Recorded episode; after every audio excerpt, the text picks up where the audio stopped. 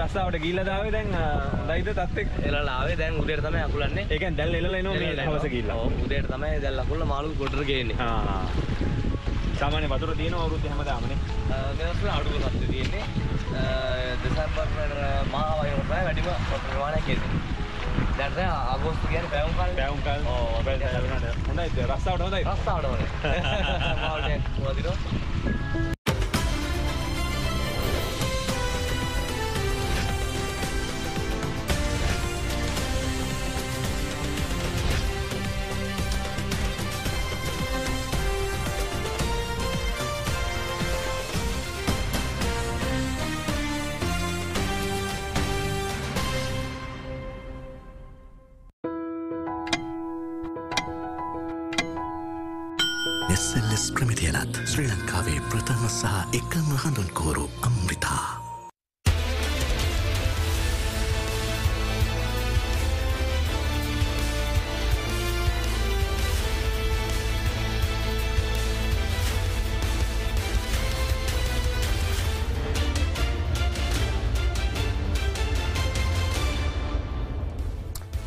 Ivan සුබුදෑසනක් අදත් සුපුරුදු වේලාවට බික් ෆෝක සංවාදය සමඟ ඔබ සජීවීව එක් වද්දී.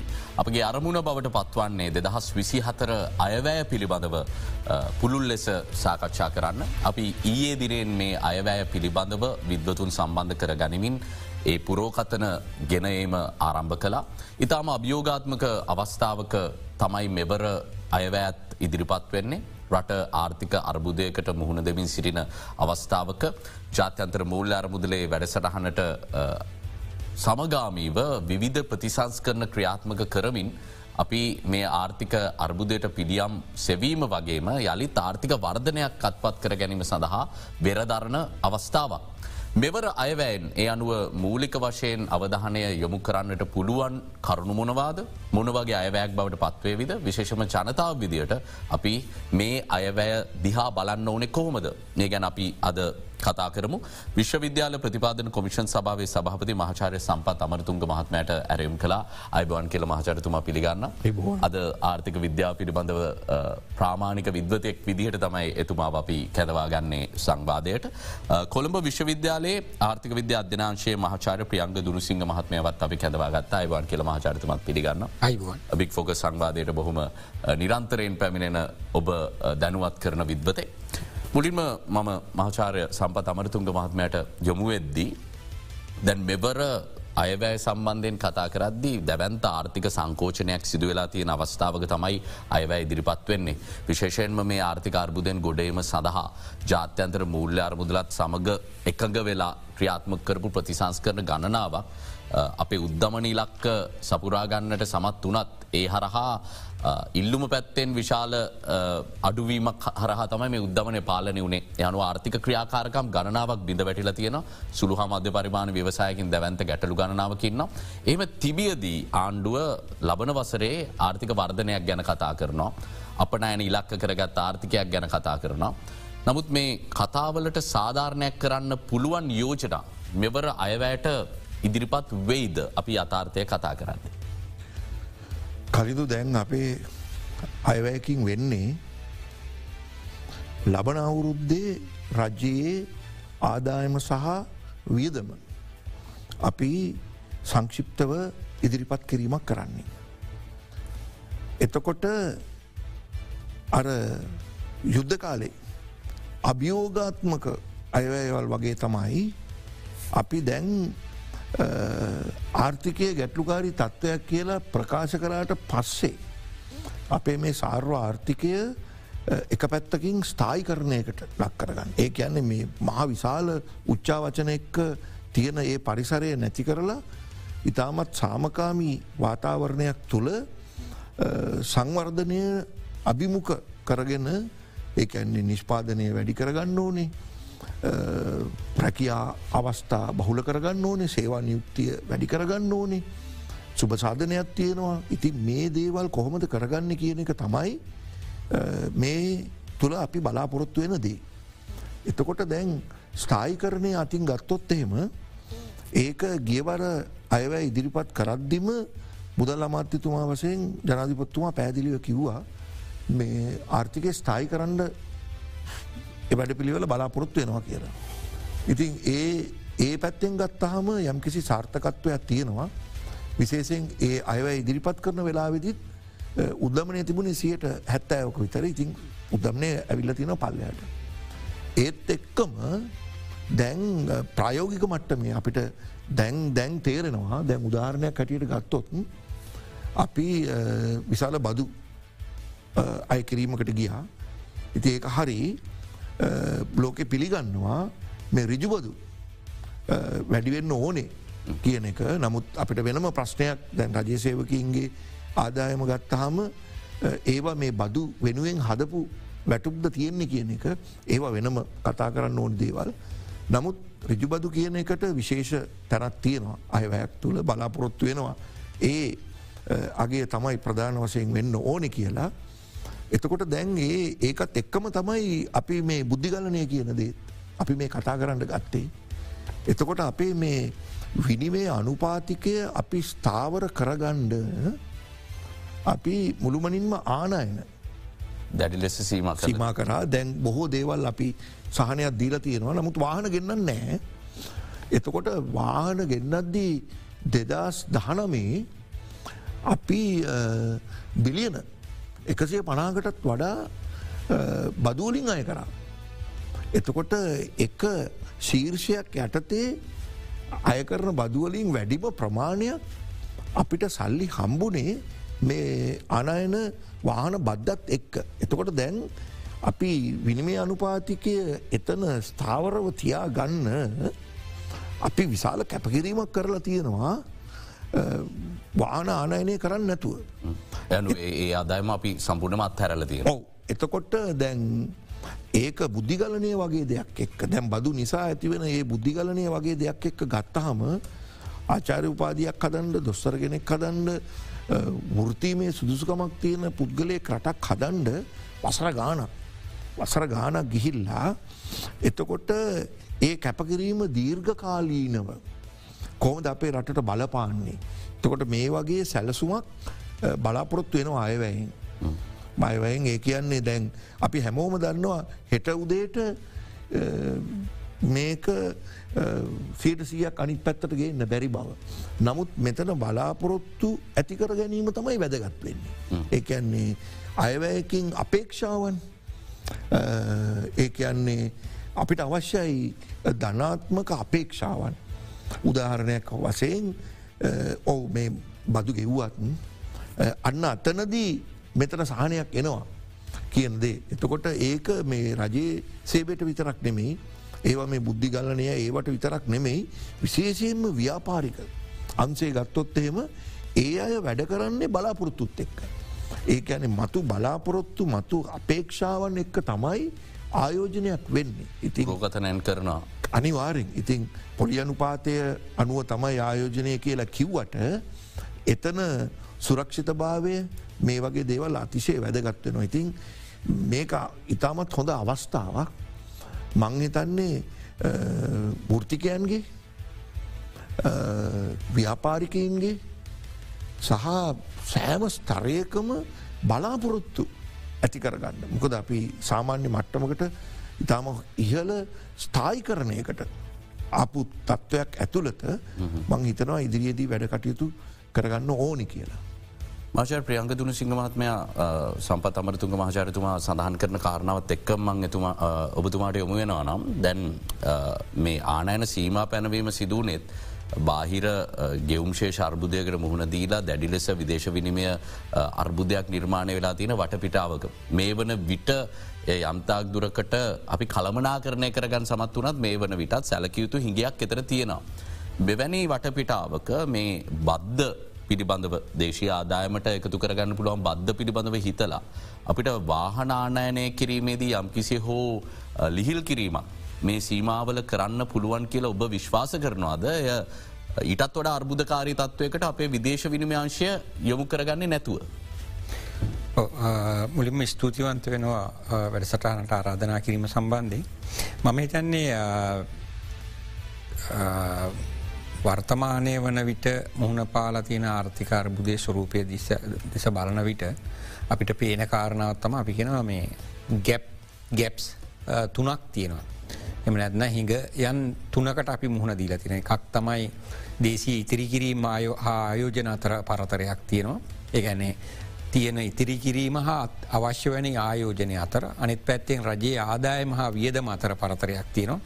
ඊට පස්සේ විදේශ විනිමේ ඉපෙයිම් හා වියදම් අතර පරතරයක් තියෙන. තොට මේ මේ ත්‍රිත්වය තමයි අපි එකට අරගෙන කල්පනා කළ යුත්තේ කොයි ආකාරයටද කුමනාකාර ප්‍රතිපත්ති කරණයකට යා හැකිද කියන කාරණාව තීරණය කිරීමේදී. ඒ තුළ පේන දේ තමයි අපි අපිගොත් දෙදස් විසි දෙකට පෙර පැවති තත්ත්වය වනේ අපි විනිමේ අනුපාතිකය අල්ලගෙන හිටිය ආනායන ලිහිල් කරලා තිබුණා. දැන් අපි කරලා තියෙන්නේ විනිමය අනුපාතය නිදහස් කරලා තියෙනවා ආනායන අල්ලගෙන ඉන්නවා. ද මේ දෙකෙන්ම කියවෙන්නේ ඒ දෙකටම අපිට යන්න වෙලා තියන ඒ දෙයාකාර ප්‍රතිපත්තියට යන්ඩ වනේ ඇත්තටම අවශ්‍ය විනිමය ප්‍රමාණය ප්‍රමාණවත් නොවීම. එතකොට දැන් යම් විදිියකට ආනායන ලිහිල් කිරීමක් සිදු කොළොන් ඒ හර ඇතිවෙන අනිවාර්ය ප්‍රතිඵලය තමයි විනිමය අනුපාතය අවප්‍රමාණය වීමට තියෙන ඉඩකට ඉතා විශාලයි. ඒ මක් නිසාද අපිට අපි දන්නවා මීට පෙර අපි වැලුවොත් විදේශ විනිමේ ගලාගෙනන්නේ ප්‍රවාහය දිහ බැලූහාම ඒ තුළ තිබුණ එකක් තම පියන මේ බාණ්ඩ බාණ්ඩහා සේවා අපනයන. ඊට පසේ සංචාරක කර්මන්ද ඊට පසේ තිබුණ විදේශක ශ්‍රමිකය වන මුදල්. ඊට පසුව තිබුණ අන්ස දෙකක් එකක් තමයි රජය සංවර්ධන අරමුණු සඳහා ලබාගන්න ණය බැඳුම් කරහරා සෛරී බැඳුම් කරහරා වෙන්ඩ පුළුවන් අපි ගෙන දී පාර්සික මූලාශ්‍ර බහු පාර්සික මූලාශ්‍රවලින් ලබාගන්න ණය. හා අනිත් පැත්තෙන් රට තුළට එන විදේශ අපි ගෙන රිජු විදේශ ආයෝජන විදියට අනිත් පැත්තෙන් කොටස් වෙලඳ පට බාණ්ඩාගාර බිල්පත් තුළ ආයෝජනය සඳහයන පෞද්ගලික ආයෝජනයන් තිබුණා. දැන් වෙලා තියෙන ප්‍රශ්නය තමයි අර මේ අපිට රජයට ගලාගෙන එන සංවර්ධන අන්න අය රජය ජාත්‍යන්තර වෙළඳපලින් ගන්න ණය ඒ ප්‍රවාහය නැතර වෙලා තිනවා. සුළු අසයෙන් යම් යම් සංවිධානවලින් නව ගැන ලෝක බැංකුවෙන් කියක් හරි හම්බෙනවා ආසියනු සංවර්ධර බැංකුවේ හම්බෙන නමුත් අපි දන්නවා යම් ඩොලර් බිලියන අතරක පහක හයක යම් ප්‍රවාහයක් පැවතිය. අනිත් පැත්තෙන් විදේශ ආයෝජනවල ප්‍රවාහයත් යම්තාක් දුරකට දුරුල වෙලා තියෙනවා. අනෙත් අන්ස තුන ගත්තත් සංචාරක අපනායනන්සය විදේශගත් ශ්‍රමිකයන්ගේ එවන මුදල ගත්තත් ඒ තරම්ම සක්තිමත් නෑ. විශේෂම ගෝලිය තත්ව ඇත අපනයනත් විශාල අභියෝගයකට මුණ පැහදිලියම ගෝලිය තත්ව ඇත්තේ අපනයනත් විශාල අර්බුදක තුන විශේෂම අපි ගැන මේ රෙදිපිලිහා ගලුම් අපනයන මේ වර්සයේදී බිලියනයකින් පමණ ඩොලර් බිලියනයකින් පවන පහත්වයන. එනිසා මේ තියෙන තත්ත්වය තුළ අපිට අර ආනයන ලිහිල් කරන්ඩ ලිහිල් කිරීම අපි ගුවත් රජයේ ආදායම් වියදංවලට අදාල් රජයට ආදායමක් ලැබෙන මූලාශ්‍රයක් විදිහට භාවිතා කළ හැකි වුවත් හැබැයි අපිට විදේශන්සේ හිංගේ ඉඩ දෙන්නේ නෑ මේක කරන්න. එනිසා තවදුරටත් මම දකින ආකාරයට ආර්ථිකය තුළ ආර්ථිකය යථාවත් විය යුතුයි අපි කියන අපි කියන ස්ථායි කරණය තවදුරටත් විය යුතුයි මේ කියන විශේෂයම ණය ප්‍රතිවූව ගත කරන ක්‍රියාවලිය සාර්ථකව ඉෂ්ට කරලා නැවත වරක් අපිට විදේශ ආයෝජන අදවා ගණඩ පුළුවන්ෙන්ට ප්‍රාග්ධන වෙලදපලට යන්න පුළුවන් ප්‍රාග්ධන වෙළඳපලට යන්න පුළුවන් තත්ව ඇතිවෙන් අනිත් පැත්තෙන්. අනෙකුත් මූලාශ්‍රහරහ රජයට සංවර්ධන ආධාර ලබා ගැනීමට සඳහා. දැ රජය යෝජනා කරලා තියෙනවා විශේෂම ග්‍රීන් ෆයිනන්සිං වගේ මේ මූලාශ්‍රහරහා අඩු පොලියට තෙනයි ලබාගෙන. මෙන්න මේටික විවෘර්ත කරන තෙක්.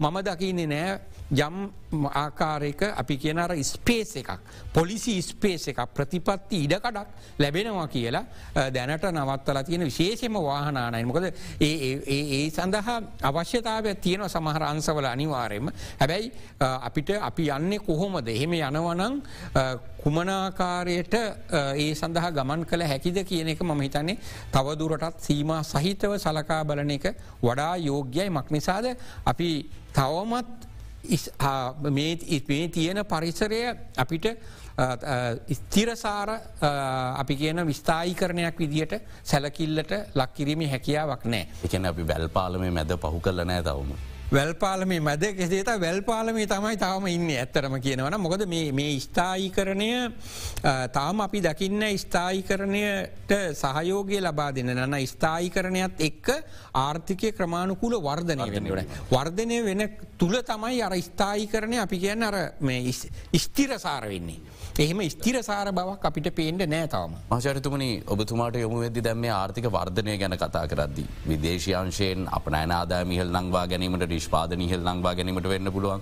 දේශය වශයෙන් සුළහා මධ්‍ය පරිමාණය ව්‍යවසායකින්ගේ ආර්ථික කටයුතු නංවන්න පුළුවන් ප්‍රතිපත්ති සඳහා වෙන්න පුළුවන්. විශාල ප්‍රශ්නයක් තියෙනවා.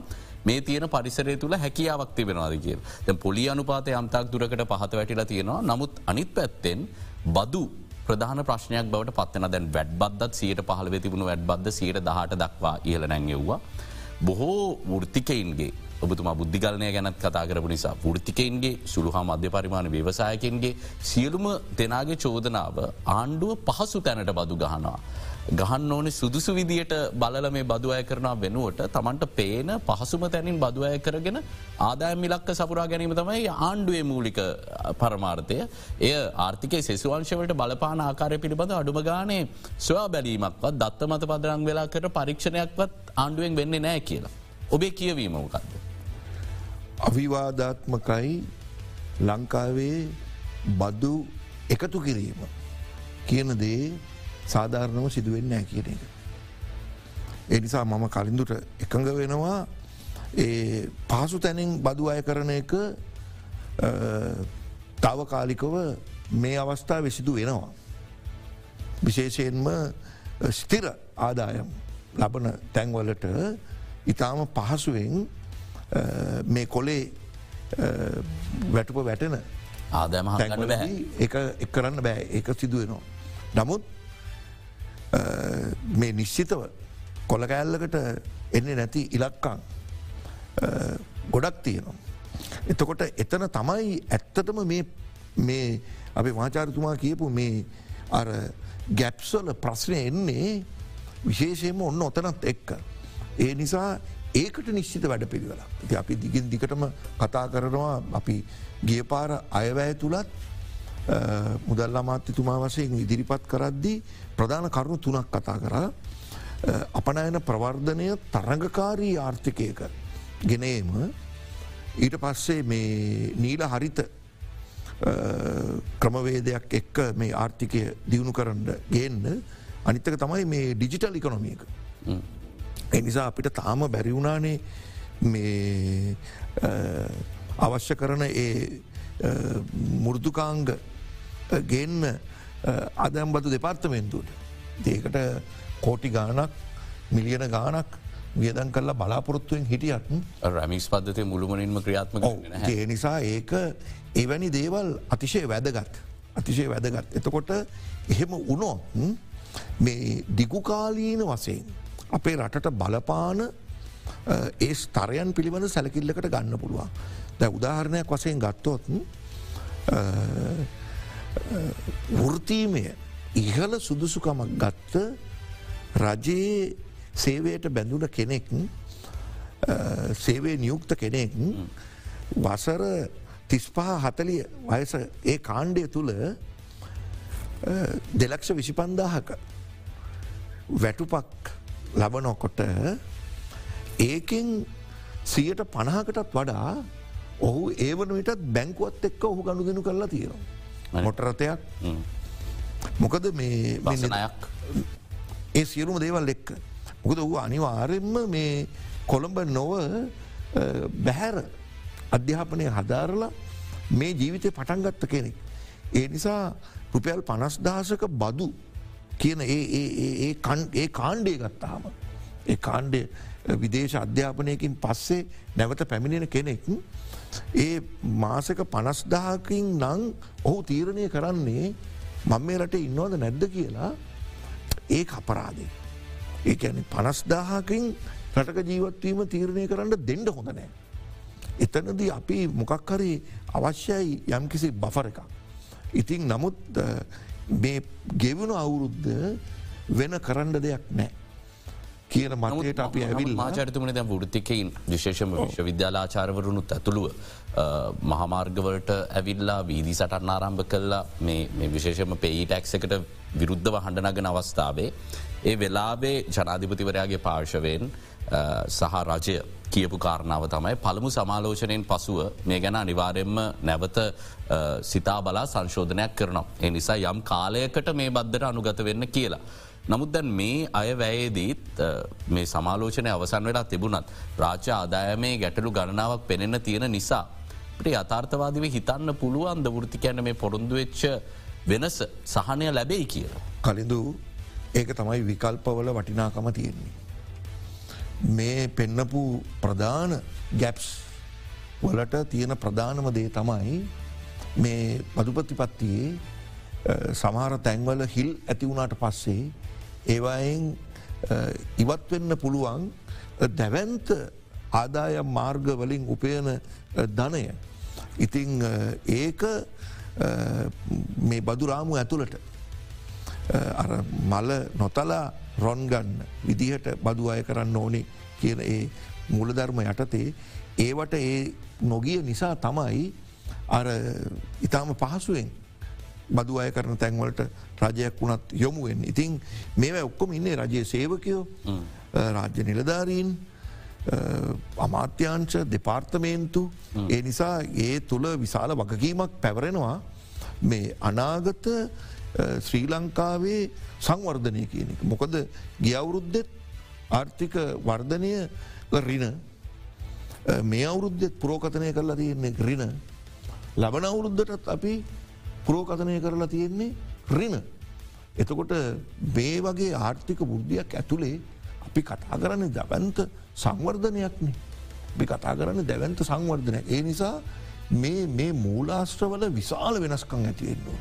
ඒව මේ මේ අපට අපි කල් ගන්න පුළුවන්ද තව කොප කල්ගන්න බෑ හෝරායන්ත්‍රය බොහම වේගෙන් යන ඔව ඒකයි. ඉති ඒ නිසා අපි ඇත්තටම යෝජනා කරා රජයට පවා විවිධ කාරක සභාවන් තුළදී ස්වාධීන ආර්ථික කොමිසමක් මේ රටේ පිටෝනවනං හොඳයි. ඒ තුළ අපි දැක්ක වැදගත්ම දේ තමයි මේ සෑම රාජ්‍ය ආයතනයකටම දීලා තියෙන ඔවුන්ගේ බලාපොරොත්තු ඔවුන් වර්ෂවසානයද ඉෂ්ට කරනවාද කියලා? ඇගේීමක් වෙන්න ඇගීමක් වෙන්න ඕනති කියලා. ඒවට ඒ අදාළ KPIස් කියලා එතකොට ඒවා සපුරාලන්න බැරි ආයතන ප්‍රධානීන් තවදුරටත් ඒ සේවේ තියල වැඩක් නෑ. එතකොට ඒකෙන් වෙන්නේ ආර්ථිකය කවදාවත් ඉදිරියට යන්න දැන් උදාහරණයක් හැටියට අපි දෙදස් දහනමේ අවුද්ධ ගත්තොත් ඒ ආපු සංචාරකින් මේ අවුද්ධගේන්න බලාපොරොත්තු වෙලා වැඩන්නේ දැන් අපි අපි බලාපොරොත්තුවත් තිබුණා. අර නුවරෙලිය දක්වා අර කෙබල් කාර එකක්. එයි. ඉතින් මැලේසියාව ඒව තියෙනවා. එතකොට මැලේසියාව කියන්නේ මේ විදේශිකයෙන් රට බලන්න ගියපු තැන් නෙමෙයි. රටවල් බලන්නාවේ ලංකාවට. නමුත් මේ වෙලාවේ මාචරතුමනි බුතුමාට වනදම් මේ මේ වගේ නවත්පාදනය තුළින් ආදායම ඉහල නංවා ගැනීම කියන කාරණාවේදත් ආයෝජකින් පැමිණෙන්නේ නැහැන මෙතන් තියෙන ක්‍රඩිට් රේටිං එක තාමත් තියන්නේ පල්ල අනාය ප්‍රතිවය ගත කරනය අවසනුත් නෑ. යනුව ආයෝජකයන්ගේ කැදවා ගැනීමත් ප්‍රධාන ප්‍රශ්නයක් බවට පත්වෙනවා. ආයෝජකින් කැදවා ගන්නට අපිට මේ වෙලාවේ ලොකු දේවල් කරන්නට ඉඩක් තියෙනවාද. මමිතන ඒක තමයි සාමාන්‍යෙන් දැන් අපි බංකොලොත් භාවයකට ආර්ථිකයක් කඩා වැටෙන්නේ. ඒ තුළ අපි කෙනව බරපතල ව්‍යවහාත්මක ගැටලු ගණනාවක් පුපුරායෑමක්. ඒ පුපුරායෑම තුළ ඒක හරියට මං කියන්නේ දලාසයක දෑම් එක කටලා ගිල්ල තිනෝගේ. මේක නැවත පිළිසකර කිරීම කියන කාරණාව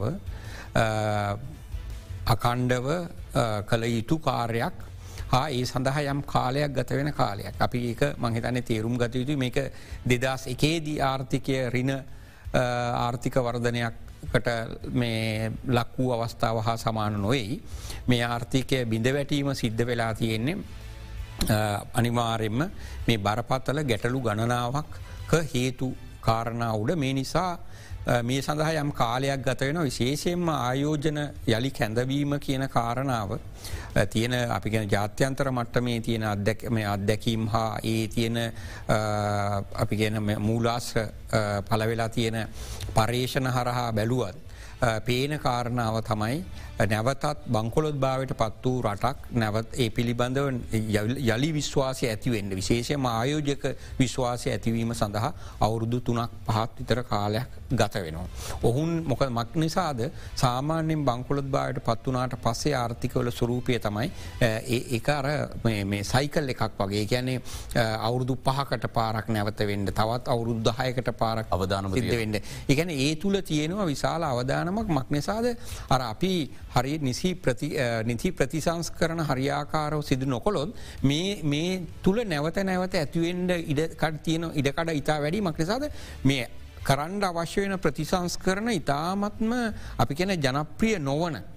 පවතින දේශපාලන පක්ෂවලට එකැන බලය හොබෝන දේශපාලන පක්ෂ ජනප්‍රියතාවෙන් සම්පූර්ණම බිමට ඇදලා දාන ප්‍රතිසංස් කරන තමයි මේ ආර්ථිකර්බුදයෙන් ගොඩේම සඳහා කළ යුතු වන්නේ. එතොට එවැන්නක් කරනකොට අර දේශපාලන අස්ථාවරත්වය මතු වෙලා අපි ගැන වෙනත් වචනවලින් කියනවන ආර්ථික ප්‍රතිපත්තිය දේශපාලනික වසයෙන් තිරසාර නොවී අතරමග නතර වෙන ප්‍රතිහංස් කරන. ඒ තුළ නැවතවර කාර්ථික අර්බුදයට යනවා. මිනිසා මම කල්පනා කරන්නේ නෑ අපිට විදේශායෝජන සැලකීතු ආකාරයට අද්වා ගැනීමේ හැකියාවක් ඉදිරි අවමාසයෙන් ඉදිරි අවුරුදු දෙක තුනක කාලසීමාව තුළ හැකියාව ලැබේ කියල නමුත් පැති දේශය වශයෙන් ආයෝචනය කරන්නත් දුෂ්කරතා කරනාවක්ති.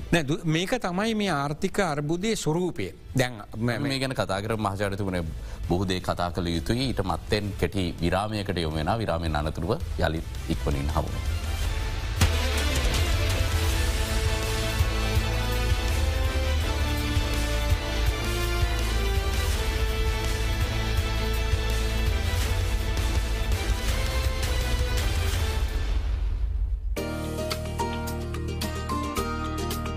කජු කෑරිදාපු රස්ස ඩෝනට් එක.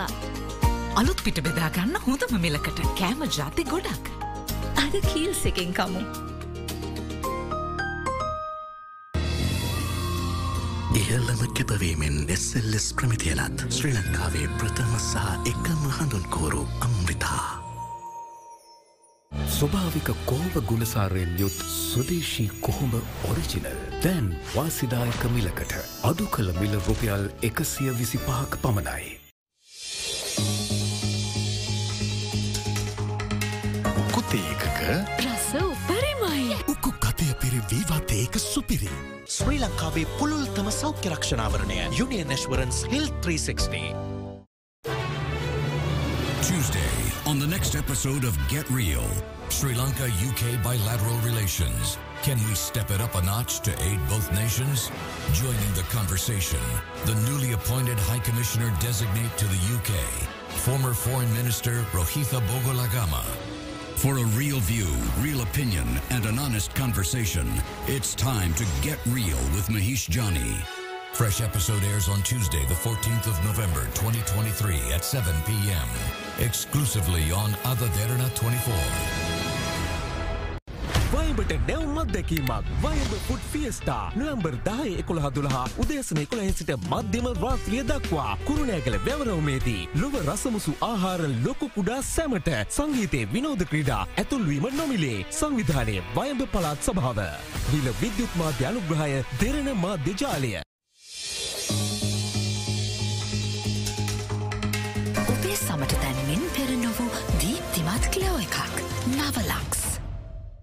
පෝෂණය පිරුණු කිරිසාරවත් උකුම උකුම් මෝල්ඩ් කිරිතේ එකක්. වීවා දැන් වෙළඳපුලේ අඩු මමිලට.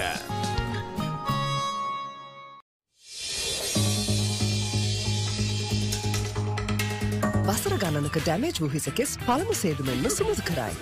Dove Intense Repair. Facebook, WhatsApp, YouTube app තුනටම රුපියල් හාරසිය හතරි සතරකට ඇති වෙනකං data SLT Mobitel triple buddy SLT Mobitel එකම එක සබැදියාව. සුදේශී කෝඹ ඔරිජිනල් දැන් වාසිනායක මිලට අඩු කළ මිල රුපියල් එකසිය විසි පහක් පමණයි.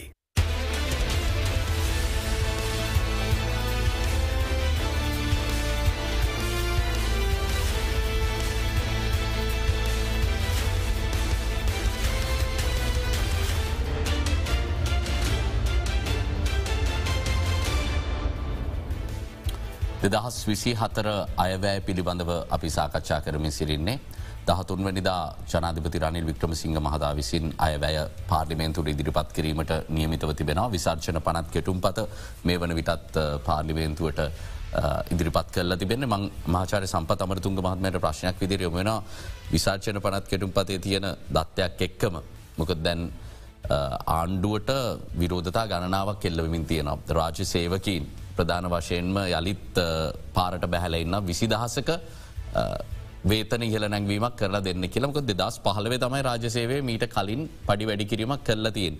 නමුත් දැන් අපි පුනරාවර්තන වියදම් සම්බන්ධයෙන් මේ විසර්ජන පනත් කෙටුම් පතේ දත්ත දිහා බලද්දී පඩි සඳහා වේතන සඳහා දෙදස් විසිතුනේ බිලියන එක්දස් එකසිය දෙකක් වැන් කරලා තියෙනවා දෙදස් විසිහතරේ ඇස්තමේන්තු ගත කරලා තියෙන්නේ බිලියන එක්දස් එකසිය හතයි තම සුළු වෙනසක් තියෙන්නේ. තින් මේ විසිදහසක වේතන ඉහල නැංවීම කියන කාරණාව ගැන විසාචන පනත් කෙටු පත හදන අවස්ථාවේදී නම් අවධාන යොමුවෙලා තියෙන බව පෙනෙන්න නෑ. තියෙන ප්‍රශ්න සියල්ලත් එක්ක පඩි වැඩි කරන්න පුළුවන් වෙයිද. කලින්දූ දැම් මෙහෙමයි. දැන් අපි IMF එකට ගියානේ. එතකොට සාමාන්‍යෙන් මේ විවෘත ආර්ථිකයන් ඇතුළේ මේ විනිමය ගැටලු සහගත එමත් නැත්තං ආර්ථිකයේ අභ්‍යන්තරික වසයෙන් මෙවැනි ගැටලුකාරී තත්ත්වයන් ඇතිවුණට පස්සේ අපිට නීත්‍යානුකූලව යන්ඩ තියෙන තැන්වලින් ප්‍රධානම තැන තමයි මුල්‍ය අරමුදල. එතකොට මූල්‍ය අරමුදල එක්තරා විදිහකට බැඳිලා ඉන්නවා මෙවැනි ගැටලුකාරී තත්ත්වයන් වලදී ඒ රටවල් වලට ගොඩෙන්ඩ උදව් කරන්න. අපිත් නිත්‍ය සාමාජිකයෙක් ජාත්‍යන්තර මුල්‍ය අරමුදල. හැබැයි කලින්දූ මේ රටවල් වල ප්‍රශ්න ඇතිවෙන්නේ ඒ රටවල් වල තියෙන විවහයේ ගැටලු කියන දේ ජාත්‍යන්තර මූල්‍ය අරමුදල පිළි අරගෙන තියෙනවා. ඒ නිසා ඔවුන් එවැනි අගාදයකට වැටිච්ච අවස්ථාවකදී ඔවුන් අත දෙන්නේ. ඒ රටවල් වලට නැවත එවැනි තත්ත්වයක් ඇති නොවෙන්ඩත් ඇතිවෙච්ච තත්ත්වයෙන් ගොඩ එන්ඩත් ඒ ඇතිවෙලා ඇතිවිච්ච විවහාත්මක ගැටලු විසඳගන්නවා නම් විතරයි. ඉතින් ඒක තමයි ආර්ථික විද්‍යාත්මකව කියන්න තියෙනදේ ඒක තමයි මේ කොන්දේසි දානවා කියලා කියන්නේ. එතකොට කොන්දේසිකිවත් එකගතාකිවත් යෝජනාකිවත් ඔව ඒ ඒ ව්‍යහය වෙනස් කරන්න ඕනේ කියන මතය තමයි ජාත්‍යන්තර මූල්‍ය අරමුදල විතරක් නෙමේ ජාත්‍යන්තරයේ කැන්නේ මේ විවෘත ආර්ථිකය ඇතුළේ මේ ලිබරල් ක්‍රමවේදය ඇතුළේ ඒ සංකල්පය දරන ඕනම තැනක විසනුම තමයි ඒක. එතකොට ඒ විව්හාත්මක වෙනස්කම් ඇතිකිරීමේදී අපේ රටේ තියෙන වැදගත්ම දෙයක් තමයි මේ දැවන්ත රාජ්‍ය සේවය. අති විශාල රාජ්‍ය සේවේ.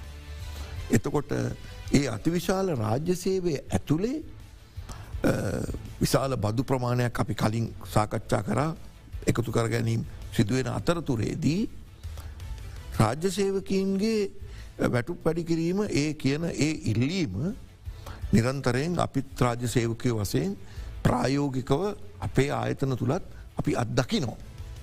නමුත් ඒත් එක්කම මේ විෂයානුබද්ධව සාකච්ඡා කිරීමේදී දැනගැනීමේදී අපි දන්නවා මේ වියදම් අතර තියෙන පලවෙනිම දේ තමයි මේ බණ්ඩ හා සේවා ගිනුම ඇතුළේ තියෙන ප්‍රජය සේවකින්ගේ වැටු. එතකොට ඒ ගෙනුමේ සියට අනුවකටත් වඩා තියෙන්නේ මේ රජය සේවකින්ගේ වැටු. හැබැයි එතකොට දැන් මේ සඳහා තමයි එක පැත්තකින් ආදායම උපයන්න ඕනේ. දැන් කලින් වගේ මුදල් මුද්‍රණය කරන්න බෑ. ඒවත් දැන් මේ කොන්දේසි ගත වෙලා තියෙන්නේ. නව මහ බැංකු පනතත් එක්ක. සියලුම දේවල් දැන් ඒව තමයි මේ ප්‍රතිසංස් කරන ඇවිල්ල තියෙන්නේ මේ විව්හාත්මකව. ඒ නිසා තමයි ඇත්තටම මේ ජනප්‍රියත්වය දේශපාලනය මේ මැතිවරණ මේ ඔක්කොම මැද්දෙ තමයි ඇත්තටම අපි අද මේ අයවැයක් ගැන කතා කරන්නේ. එතකොට ඉස්සර නං මුදල් මුද්‍රණය කරලා ඕන තරන් ණය අරගෙන මොකද ඒ වෙලාවේ රට සාමාන්‍ය තත්ත්වයක තිබුණේ. අඩුම තරමින් හතරයි දසම පහක පහක ආර්ථික වර්ධනයක් එක්ක තමයි අපි ජීවත් වුණ. ඒ නිසා දැන් රටවල් වහල තියලා වෙළදාම සියට සියක්ම නැවතිල තියලා පිටරට ඉඳලා ලංකාවට එන මුදල් ප්‍රමාණය නැවතිලා අපේ ව්‍යාපාරික පන්තිය පවා තමන්ගේ අපනයන සිදුකර ගැනීමට අවශ්‍ය කරන ආනයන ටික සඳහා දේශීය වසයෙන් තිබිච්ච විදේශ විනිමේ භාවිතා කරලා නමුත් අපනයනයේ අවසාන ආදායම ක්‍රටේ ආයෝජනයට නැවත රැගෙනෙන්නේ නැතුව ඒවා වෙන තැන්වල නවත්වල මෙතන තියෙන අපේක්ෂාවන්ගේ අඩුලුහුණුතා මත ති ඕනම ව්‍යාපාරිකය එවැනි තත්වයකට පත්වවෙන්න පුළුවන් තමන්ගේ ආර්ථික කටයුතු කරගෙන යාම සඳහා. ඒ නිසා මේ වගේ දැවන්ත කාර්ය තලයක් තුළ තමයි මේ අයවැය ඒක මේ බැලන්ස් කරන්න වෙලා තියෙන. තිය නිසා ප්‍රජේ ආදායම් වැඩි කරගන්න ඇතුව දැන් ගිය පාර අයවැය ප්‍රධාන බලාපොරොත්තු තිබුණ ඩොලර් බිලියන තුනකින් වාර්ෂික අපනයන වැඩි කරගණ්ඩෝනේ මේ දෙදස් විස්සයි තිස් දෙක දක්වා කියලා. එතකොට දැන් මේවැ තියෙන වැදගත්ම දේ තමයි එහෙම ඩොලර් බිලියන තුනගානේ වාර්ෂිකව අපනයන වර්ධනයක් කියනකොට ඒවා වෙනුවෙන් හදල තියෙන ආයතන ලංකාව තියෙනවා. දැන් ඒ ආයතන වලින් තමයි අහන්ඩෝනේ මේ ඉලක්කයට යන බිලියන තුනක් වැඩි කරගණ්ඩ පුළුවන් වුණාද බැරි වුණාද කියන. එතකොට දැන් ඒ අය වැයි අරමුණු මං මෙතන්ට එන නිසා බැලුවට පස්සේ ත්‍යාර්ථික ස්ථායි කරණය එවැනි දේවල් IMF සාකච්ඡා ඒවා උපරිමේ සිදුවලා තියෙනවා. නමුත් නිෂ්පාදනය වැඩි කරලා නිෂ්පාදනය මත එකතු කරගන්න බදු වැඩි වෙලා ඒ පැත්තගත්තට පස්සේ අපි ඉන්න රින තත්වයක. ඉතින් ඒ නිසා නැවත ප්‍රතිලාභගන්න පුළුවන්ද කියන එක. අනිවාරෙන්ම දෙපාරක් හිතන්න ඕනේ අවස්ථාවකට අපි අවංකෝ මූුණේ දීල තියෙනවා. මචරතුම ඒ ප්‍රශ්නම ඔබතුමාගේ ගහනවනම් මේ වෙලා රාජසයවකින්ගෙන් තියෙන ඉල්ලීමත් එක්ක අපිට බලාපොරොත්තු වෙන්න පුළුවන්ද අතාර්ථවාදීමේ. මම කල්පනා කරන ආකාරයට විශේෂෙන්ම දැම් පහුගිය කාලමකවානුව පැවති. උද්ධමනකාරී තත්ත්වය සැලකිල්ලට ගත්තාම අනිත් පැත්තෙන් අපි දකින විශේෂෙන්ම පහුගිය කාලසීමාවට අදාළව පුද්ගලයින්ගේ අපි කියන විශේෂයෙන්ම රජයේ සේවකින්ගේ වැටුප වැඩි නොවීම කියන එක තුළ අර මූර්ත මේ වසයෙන් ගත්තහම වැටුප විශාල විදියට අඩු වෙලා තිනවා. ඇත්තටම දෙදස් දහනමේ සීයක් උනානම් වැටුප දැන් ඒක රුපියල් පණහකට හතලි සටකට පණහකට අඩු වෙලා තියෙනවා. මේ නිසා වැටුප් වැඩවීමක් කළ යුතුව පවතිනවා. ඒ කළ යුතුව පවතින හේතු කීපයක් තියෙනවා මං අර මුල්ම දැවෙනම ප්‍රශ්නය පලවිනියම සඳහන් කරේ. ඊට අමතරව ඇත්තටම අවසාන වසයෙන් මේ ආර්ථික ප්‍රතිසංස් කරන සඳහා අපි කියන දේශපාලනික තිරසාරභාවය ඇති කරගන්න. දේශපාලනිකමය වසයෙන් අවසානයේදී මේ කොච්චර හොඳ වනත්. ආර්ථික ප්‍රතිපත්තියට ඉදිරියට ගෙනයෑමේ හැකියාවක් නෑ ඒ සඳහා අත්‍යවශ්‍යයෙන්ම මහජන සහයෝගය ලබා ගැනීමට නොහැකින. මිනිසා රජය අනිවාරය මේ පිළිබඳ කල්පනා කළ යුතුවෙන ඒ වගේම තියෙන ඊළඟ ගැටලුව තම අපි අපි දකිනදේ තමයි දැන් රාජ්‍යසේවකයෙකුට යම්මාකාරයක හූ වැටු පැඩවීමක් ලබා නොදී ඉදිරියට අපිට යා හැකිද. ඒ රාජ්‍යසේවකයත් රැකියාවට එන්නේ ඉතාමත්ම කලකිරුණු ස්වරූපයෙන්න්න. රැකියාව කරනවා වෙනුවට ඔහු බොහෝ අවස්ථාවලදි වෙනත් ආකාරය ආදායම උත්පාදන මාර්ග පිළිබඳවනම් සොයා බලන්නේ. මේ ආකාරයේ පුද්ගලය කොට්ටාසැක් එක රටක් ඉදිරියට අරගෙන යන්න බෑ.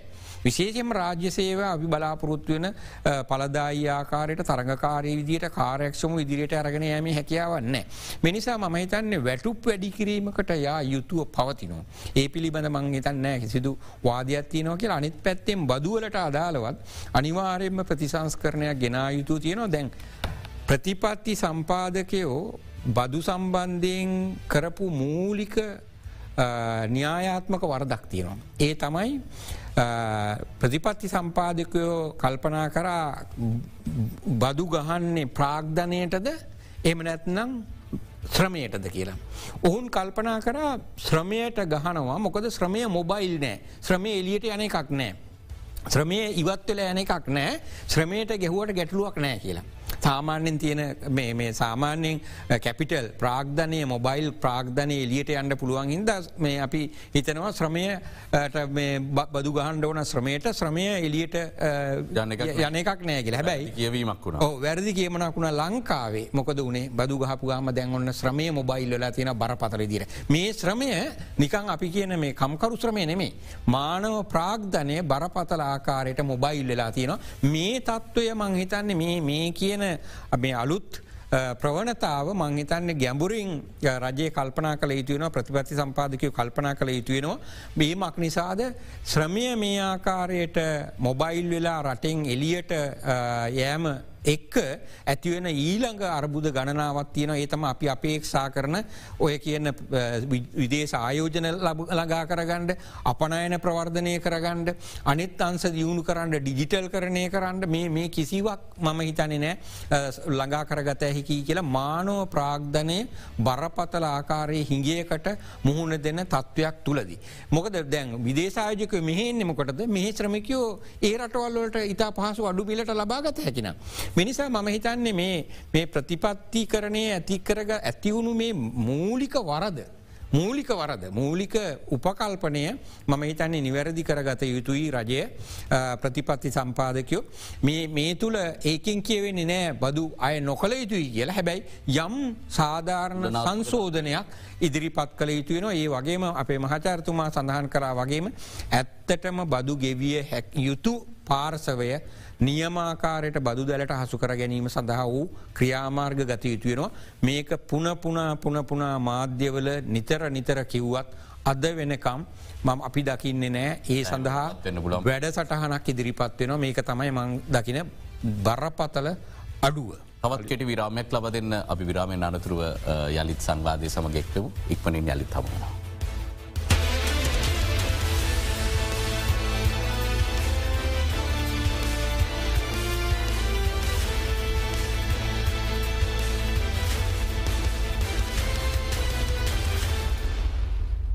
ඩිජ්පොස් නම් පෝල් තමයි අඩු මිලටම දෙන්නේ. සුස්ුවන්ද පිරුණු ඔරෙන්ජ් ලෙම ඇයිලයි සුපිරනේ. මිලෙ අඩුම ඔපින් වැඩිම ටිශ්වොෂ් එක ඩීපෝල් ශ්‍රී ලංකාවේ පුළුල්තම සෞඛ්‍ය රක්ෂණාවරණය යුනිියන් නැස්වරන්ස් හිල් 360.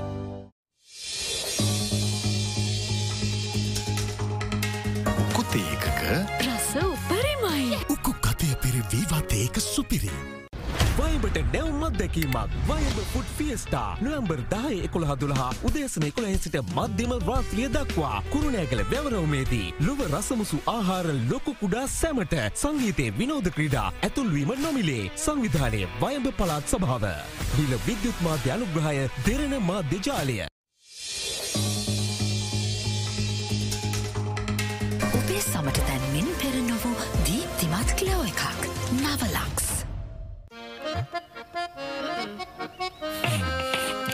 අම්ම මේ බලන්න. මෙයා තේ හදන්නයි යන්නේ. අපි හදන විදිහටම? උකු ගතියෙන් වැඩි පෝෂණයෙන් පිරිවීවා තේ එකට එකතු කර උකුම උකු තේකෝප් එක උපරිම රස විඳගන්න. හරිම උක්කුයි හරිම රසයි. වීව දැම්මනේ වීව එකතුළු උකුතේ එකක රස උපරිමයි. උකු කතය පිරි වීවාතේක සුපිරි.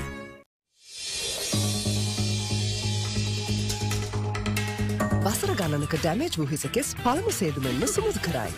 Dove Intense Repair.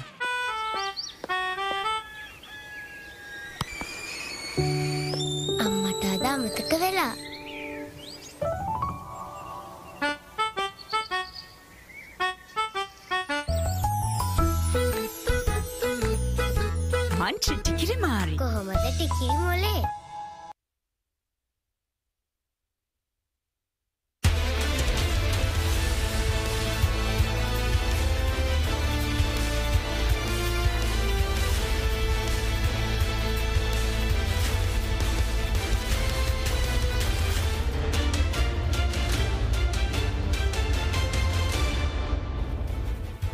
මාචරතුමනි දැන් දෙදස් විසිතුනේ මුලින්ම අපි රුපියල් බිලියන තුන්දාසාරසය පහලවක ආදායමක් අපේක්ෂා කරා නමුත් දැන්පුරෝ කතනය කල්ල තියෙන්නේ මෙය නැවතත් රිවයිස් කරන්න සිද්ධලා තියෙන දෙදා සටසය පණහකින් නවතින්න අපිට සිද්ධයන. දෙදස් විසි හතරෙදී අපි අපේක්ෂා කරන රුපියල් බිලියන හාරදහස් එකසිය විසි හතක ආදායමක් නපුත් අපේ වියදම් ටික් ගත්තම හයදස් පන්සිය විසි අටක් තියෙනවා. යනුව හිඟය දෙදහස් සාරසිය එකක් රුපියල් බිලියන කොහොමද මේටික් හොයා ගැන්න. අතිශය වැදගත් කරුණක් ඒ කියන්නේ දැම් අපි මෙතෙක් වෙලා කතා කරේ මේ ප්‍රශ්න නෙමෙයි. අයවැයේ තියෙන වෙන ප්‍රශ්න. දැන් මෙතන් තියෙන ලොකුම ප්‍රශ්න තමයි එක පැත්තකින් අපි අපේ තියෙන දැන් තියෙන බැංකුවලින් සල්ලි ගත්තොත් එලියට. බැංකුවල තියෙන සල්ලි ටිකනුත් අර විවසායකයට දෙන්න තියෙන සල්ලි ටික නැති වෙලා යනවා. එක බරපතල ගැටලුකාරී තත්ත්වයක්. එතකොට ඊට අමතරව වෙළඳපල නොවෙන ක්‍රමවේද තමයි EPF එකින් එම මුදල් ගන්න තියෙන එක. එතකොට දැන් මේ වෙලාවේ අපි දේශීය ණය ප්‍රතිවිව්ව ගත කරනය. තම අවසාන නෑ.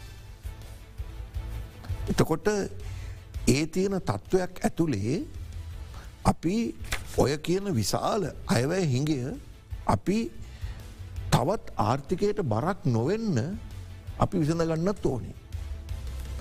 තිබිච්ච විකල්ප උදාහරණ වසයෙන් යම්කිසි ප්‍රමාණයක් මුදල් මුද්‍රණය කරන එකත් දැන් අපිට කරගන්න බැරිවෙයි. එතකොට අපි මේ වෙලාවෙදී අපි පැන්ක්‍රප් කියලා. ප්‍රකාශයට පත් කල්ල තියෙන නිසා අපිට විදේශ විල්ලද පොලෙන් ණයගැනීමේදීත් ප්‍රශ්නකාරී තත්ත්වයක් ඇති වෙනවා. ති ඒ නිසා සමහර වෙලාවට අපි රජයේ බලාපොරොත්තු වෙන අපේ ව්‍යාපෘති. ද ඒ ව්‍යාපෘති මත තමයි අපි මේ බලාපොරොත්තු වෙන ආර්ථික වර්ධනය දැන්ගේ අවුද්ධත් අපේ බලාපොරොත්තු අයවැය තිබුණේ සියට හතකට අටකට ආර්ථික වර්ධනය ගේන්ඩ. දැන් ඒ වර්ධනය ඇතිකර ගණ්ඩ ඇතිවට බාධා තමයි මේ වෙන්නේ. එක පැත්තකින් අපි ඇතුළේ සීමාවන් විශාල වසයෙන් ඇතිවෙලා තියෙනවා. අනිත් පැත්තෙන් අපිට පිටරටින් සල්ලිගේ මේ ප්‍රශ්න ඇත්වෙලා තියෙනවා. ආයෝජකය ගේන්න බෑ. දේශීය වසයෙන් ගත්තොත් අපි ඉහල පොලි අනුපාතයක ඉන්නේ. දිගින් දිගටම අපි සංසරණය තිබිච්ච මුදල් විශාල ප්‍රමාණයක් අපි අද්දවා ගත්තා. මේ උද්ධමනය උඩඉඳලා මේ තරම් මට්ටමකට පහලට ගේන්න. ඒකත් එක්ක තමයි ස්ථායි කරණය ඇති කරේ. දැන්ආයි මුද්‍රණය කරලා ඒ ස්ථායි කරණය එක පැවිසි අතරකින් නැති කරගන්න බෑ. මේක මේක හරියට නිකං අර මේ දාං බෝඩ් එකක් වගේ කලුයි සුදුයි ඉත්තු දෙපැත්තේ තියලා එක ඉත්තෙක් වෙනස් කරපු ගමන් මේ මුළු සමස්ත ක්‍රීඩාවම වෙනස් වෙනවා. අපට කාලවෙලාව සීමිත නිසා මහිතන තව බොහෝදේ කතා කරන්න පුලන් නමුත් අප ඉදිරියටත් කතා කළ යුතුයි මහචරිතුමාට මං අවසාන වශයෙන් යොම වෙන. මේ ප්‍රශ්නම ගත්තොත්. අපි කොහොමද මේ දැවන්ත අයවැය පරතරය මෙවර පියවා ගන්නේ වෙනදාටත් වඩා වැඩි අභියෝග ටිකක් මධ්‍යය කියන කාරණාව. ඔමයිතන අයවැය පියවීම සඳහා පලවෙනීම අයවැය ඉදිරිපත් කිරීම අපි තේරුම් ගත යුතු කාර තමයි අපි එකඟ වෙලා තියෙන ජාත්‍යන්තර මූල්‍ය අරමුදලේ වැඩ සටහනට අනුගතව තමයි ඉදිරිපත් කරන්න වෙන්නේ ඒ තුළ තමයි අපි ගෙන මේ පිස්කල් පොලි මේ ප්‍රතිපත්තිය මූලිකවසයම හැසිරිය යුතුවෙන්නේ. එමෙම හිංගිය පියවීමට තියෙන ප්‍රධාන මූලාසර තමයි අපි දකින්නේ අනිවාරයෙන්ම දේශීයව රජය ලබාගන්න අය හා අනිත් පැත්තෙන් අපි කියන බහු පාර්ශවීය ආයතනවලින් සහ ස්ෝයි රිෆෝම්ස් යටතේ රාජ්‍යායතන කිහිප මම එතන දිට ස්තෝයි රිෆෝම්ස් යටතේ ලබන ආදායම ඇති ආදායම යටතට වැල්ලා. ඒගැන රජය බලාපොරොත්තු වෙනෝ නං රජය විවසාය ප්‍රතිසංස්කරණය තුළ යම් විකිනීම් මේ හාරදාසකසි විසි අත ඇතුළ තියෙන් හාරදාසකසි විසි හත තුළ මං කල්පනා කරනවා ඒ තුළ පැවතිය යුතුයි කියලා. මේ හිගේ අනිවාරයෙන්ම ෆයිනෑන්ස් කිරීමේදී එය අනිවාරයම ලබා ගැනීමට සිද්ධ වෙන්නේ එකක් දේශීය වෙළඳ පල දෙවනියක තමයි විශේෂම බහු පාර්ශවීය ආයතන හරහා. මේ මේ ආකාරයට තමයි මම දකින්නේ නෑ. විශේෂෙන්ම පවතින තත්ත්වය තුළ අපි කියන රජයට අර පෙර ආකාරයට මේ මුදල් මුද්‍රණය කරලා ඒ ආකාරයේ ක්‍රමවේදයන් වලට අනුගමනය කරන්න විදිහන්න තොට රජය දේශීව විවෘත වෙළඳපලෙන් අය ලබා ගැනීමේදී අනිවාරෙන්ම අපි දන්න පොලි අනුපාතය ඉහලට නැවත වරත් අල්ලු එන්න පුළුව ඒ තුළ පෞද්ගලිකාන්සයට තියෙන අවස්ථාත් යම් ආකාරයකට සීමාවෙන්න පුළුව නමුත් අපි තේරුම් ගතයුතු දේ තමයි මේ ආර්ථික ස්ථායි කරණයත් එක්ක ආර්ථිකය වර්ධනය කරන්න යන නිසා අපිට බලාපොරොත්තුවෙන්ට බෑ අපි අර සාමාන්‍යයෙන් දිගුකාලීනුව මීට පෙර ගැන අර්බුදයට පෙර දැකපු සයට හතරයි අසම පහේ සියට පහේ සියට හයේ වර්ධනයන් අපේක්ෂා කරන්න බෑ ඇත්තටම දෙදස් විසිහත වෙනකං. ඇත්ත යථාර්ථයන. ඒ මක් නිසාද අපි මේ ස්ථායි කරණය කියන මේකත් නිවැරදි කරන ගමන් ඒකත් හැඩගස්සන ගමන් තමයි අපිට මේ ගමන අන්ඩ වෙලා තියෙන විශාල බරක් එක්ක වේගෙන් දුවන්ට බෑ. එහිද මේ බර ක්‍රමාණුකූලව අපි සැහැල්ලු කර ගැනීමින් මේ තියෙන ගැප්ස් මේ තියෙන හිංගියන් ක්‍රමාණුකූලුව පියවන පියවෙන ආකාරයට අදාළ ප්‍රතිපත්ති කරණය සිදු කරමින් තමයි අපිට ඉදිරියට අන්ඩ සිද්ධ වෙන්නේ. මේක ම හිතන්නේ මහජනතාව තේරුම් ගැනීම ඉතාමත්ම වැදගත්වෙන අර මීට පෙර අයවෑන් වලින් අර ප්‍රාතිහාර පාණ්ඩ බඩුමිල වැඩි කරන්න පඩි වැඩි කරන්න බදු කපාහරින්ට වෙනත් සහනාධාර දෙන්න ආර්ථිකය සියලුම පාර්සවයන් සතුටු කරන්න ගියාට මම හිතන නෑ. මෙතන මෙ තැන් සිට ඉදිරියට යන තත්ත්වය තුළ ඒ ආකාරයට සියලුම පාර්සවයන් සතුටු කරන ආකාරය ඇව ඉදිරිපත් කරන්න. අනිත් පැත්තෙන් විශේෂයෙන්ම අර පොරොන්දු ගැන විවිධාකාර ව්‍යාපෘති හා අනෙකුත් පොරොන්දු පත්‍ර මත ඉදිරියට යෑම හැකියාවක් ඇතිවේ කියලා අපි දන්න අයවැයි කාර්යාලයක් තියෙනවා. ඒ තුළ අනිවාර්යෙන්ම ඒ අදාළ යෝජනා විශ්ලේෂණයකට භාජනය කරන ඒ සඳහා කොච්චර පිරිවය යනවද කොච්චර ආදායමක් මේ සඳහත් පවතිනවද කියන කාරණාව. හොදයි කාලවෙලා අවසන් නිසා අපි අදට බික්‍ෆෝකස් සංවාධයෙන් සමුගන්න නමුත් ඉතාම වැදගත් මේ අපි සාකච්ඡාවට බදුන් කරන කාරණ මීට පෙර අයවැෑ ලේකරයක් ඉදිරිපත් වෙන්න ලංවෙද්දී මහචරිතුමා කිව්වාගේ බොහෝ දෙනෙක් මොනවගේ සහනද ලැබෙන්නේ? බඩු මිලාඩුවෙයිද වේතන වැඩිවෙයිද වාහනානයනයේදී සහන සැලසෙයිද? එවැනි අපිට මොනාද ලැබෙන්නේ කියන චේතනාවත් එක්ක තම රූපවාහනය ඉදිරිපිට ඉඳගන්නේ. නමුත් මේ වන විට මේ පවතින දැඩි ආර්ථික අර්බුදයක් එක්ක ජනතාවට පවා මීට පෙර තිබුණට වඩා දැනුමක් ලැබිල තිබෙනවා. මේ ව්‍යවහාත්මක වෙනස්කම් එක්ක ඉදිරියට අද්දී එය කොයි තරම් අභියෝගාත්මක සහ දුෂ්කර කාරයක්ත කියලා. නමුත් අද අපි ප්‍රසිද්ධිය කතා කලා මේ වෙලා සිදු නොවන්නේ මොනවාද? සිදු කළ හැකිව තිබෙන්නේ මොනවාද? ඒවා කලා නම් මේ ව්‍යහාත්මක ප්‍රතිසංස් කරන කරන මාවතට මීට වඩා පහසුවක් අත්පත් කරගෙන ඉදිරියට යාමට හැකියාව තිබෙන ප්‍රධාන වශයෙන්ම මේ බදු දැලපුරුල් කිරීම සහ මේ බදු පරිපාලනය විදිමත් කිරීම තුළ බෙවින්ම සූතියන්තයනවා මහචාරතුමාට මාශාර සම්පත අමරතුන්ග මහත්මයාද අප ආරාධන පිළිගත්තා. විශ්වවිද්‍යාල ප්‍රතිපාදන කොමිෂන් සභාව සභාපතිතුමා. ඒතකම කොළඹ විශ්වවිද්‍යාලයේ ආර්ථික විද්‍යා අධ්‍යනාංශයේ මහචාර ප්‍රියංග දුනු සිංහ මහත්මයත් අද අපිත් එක්ක එකතුනා මේ මාතෘකා පිළිබඳ සාකච්ඡා කරන්න. අදට අපි සංවාධයෙන් සමගන්නම් හෙටත් සුපුරුදු වේලාවට අපි අයවෑ ගැන කතා කරමු එක් පන්න කියලා ආරාධනා කරනවා ඔබට සුබදින.